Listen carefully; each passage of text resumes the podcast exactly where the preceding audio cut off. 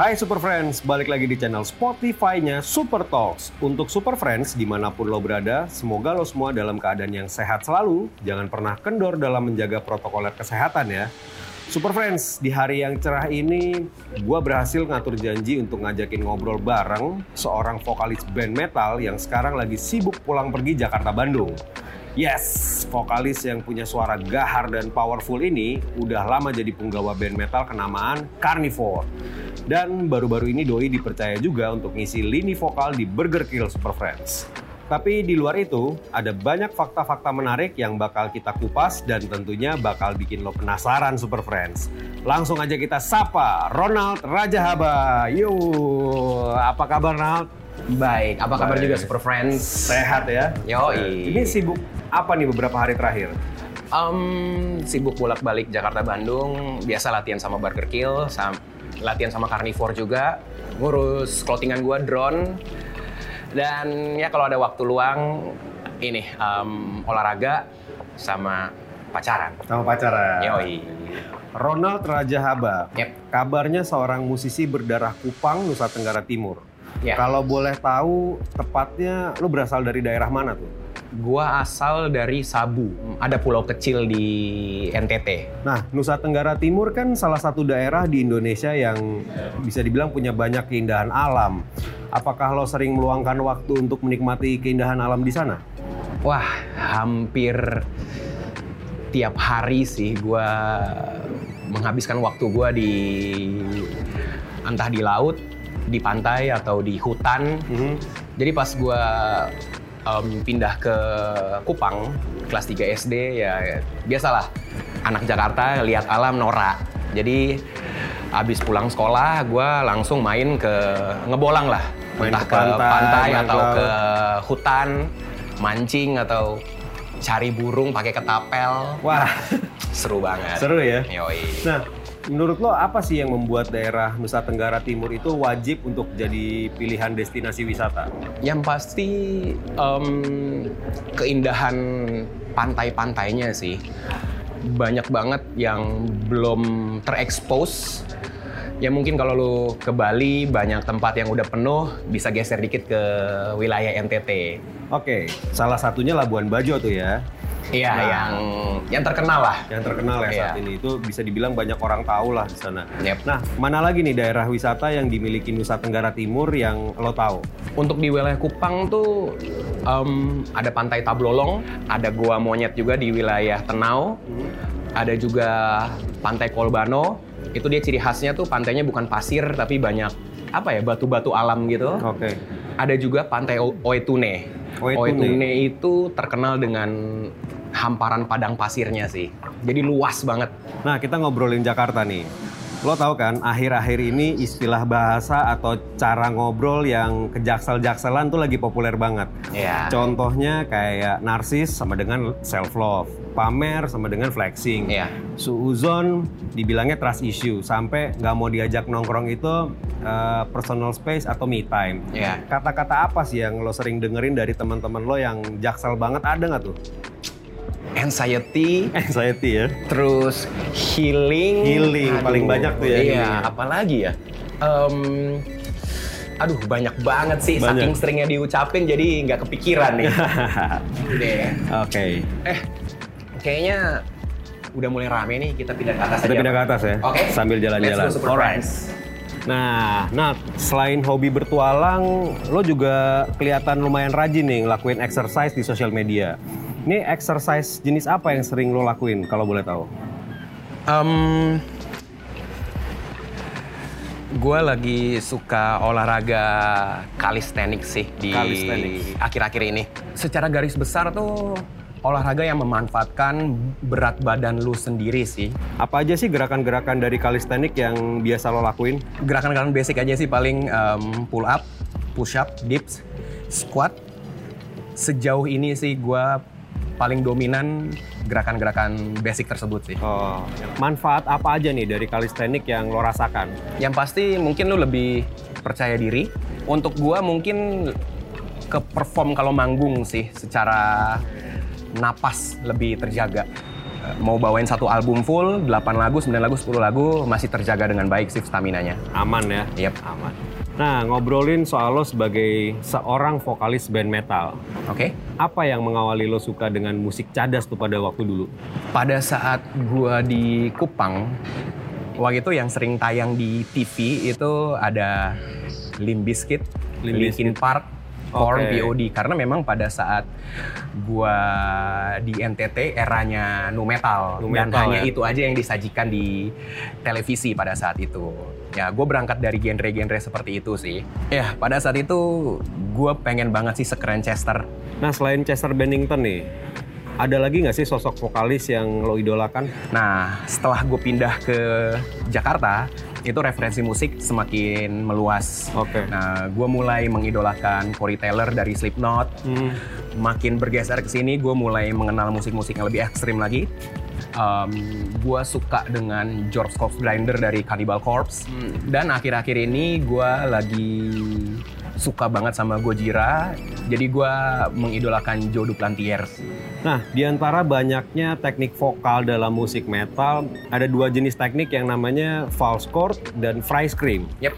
Boleh dijelasin nggak dua perbedaan teknik tersebut tuh apa dan ada kelebihannya nggak sih masing-masing?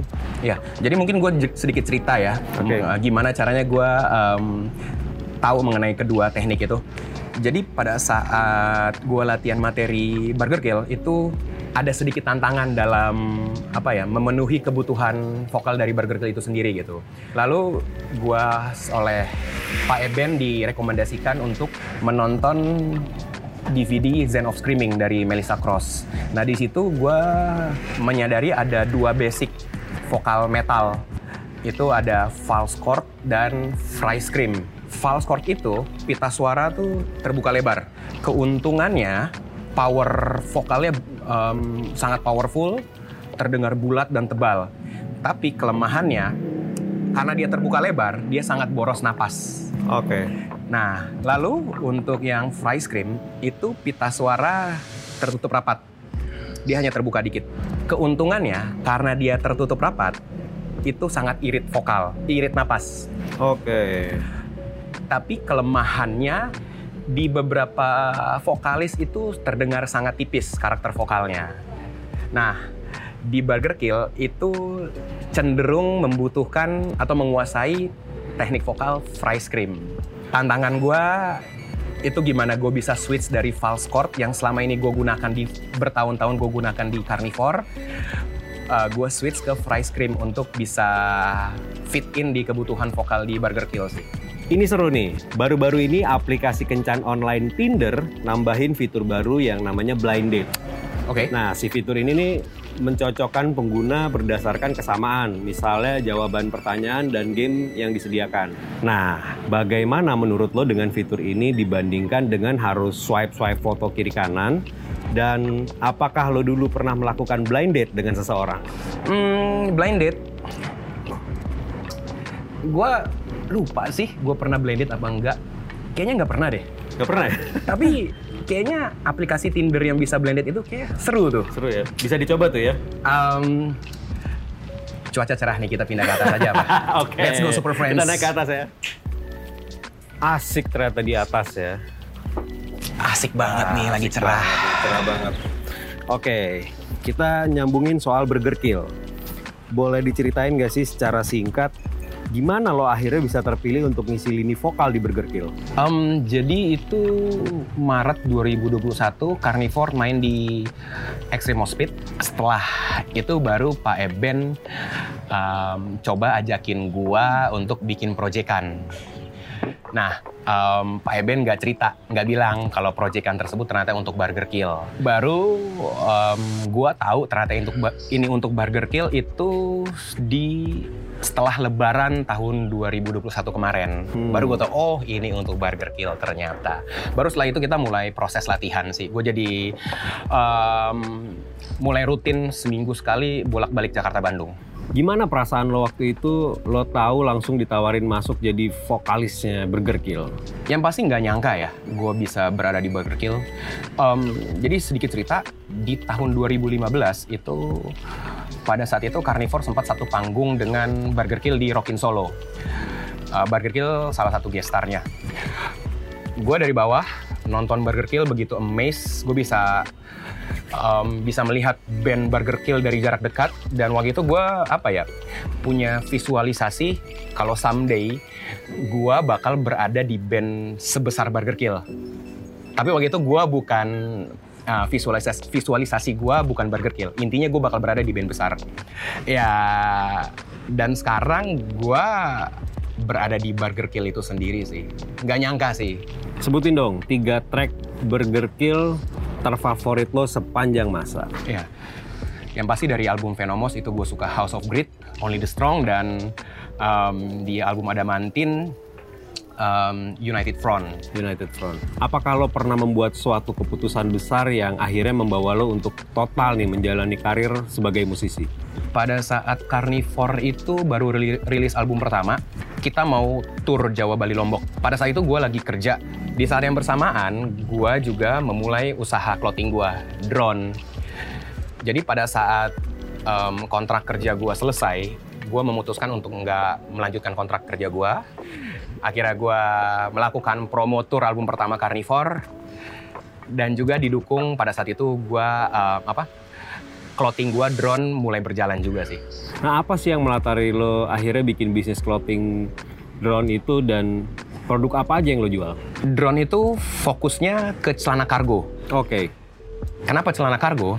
Pada saat itu gue tuh suka banget ngeliat gaya dua vokalis metal dari dua band itu Philip Anselmo dari Pantera dan juga Randy Blythe dari Lamb of God. Oke. Okay. Nah mereka itu setiap kali manggung atau aktivitas tuh sangat sering uh, mengenakan celana kargo. Celana kargo. Pada saat itu celana kargo itu terbilang cukup mahal, yang bagus. Okay. Nah jadi kenapa nggak gue coba untuk bikin sendiri? Oke. Okay. Kenapa namanya drone? Bisa dijelasin nggak artinya apa? Drone itu usaha clothing gua sama Daniel Mardani. Kenapa namanya drone? Jadi kita waktu itu nyari berbagai opsi nama, ternyata udah kepake. Oh. Sampai berbulan-bulan um, produksi pertamanya udah jalan dan udah mau rilis, kita masih belum belum dapat nama yang cocok. Waktu itu masih zaman Yahoo Messenger. Akhirnya gue oh. iseng aja, ngasal, bercanda. Gue bilang ke Daniel, udahlah drone aja Daniel Ronald. Oh, Oke, okay. sesimpel itu. itu DRON. Intinya itu gue ngasal doang, bercanda. Nah, pada saat itu Daniel lagi suka dengerin Sun-O. Sun-O kan genrenya drone kan, drone. Nah, sama si Daniel diseriusin. Eh, boleh juga tuh, Nal. Kayak genrenya Sun-O gitu gue bilang lu yakin yakin keren ini gitu ya udah cuman biar nggak hanya sebatas D R O N aja huruf-hurufnya jadi gue um, gue plesetin jadi D H R O N E D jadi nggak ada arti apa sih tantangan lo ngejalanin bisnis clothing dengan specialty produknya si celana kargo ini nih? Proses produksinya sih, ya celana kargo itu kan masuknya uh, celana taktikal ya, jadi lebih lebih kompleks lah, lebih detail dibandingkan celana-celana ya seperti uh, jeans atau chino. Mm -hmm. Mungkin dalam sehari satu penjahit bisa menyelesaikan lima celana atau lebih, tapi kalau untuk celana kargo mungkin hanya satu atau dua. Oke, terakhir nih, sebutkan tiga best wishes Ronald Rajahaba di tahun 2022 ini.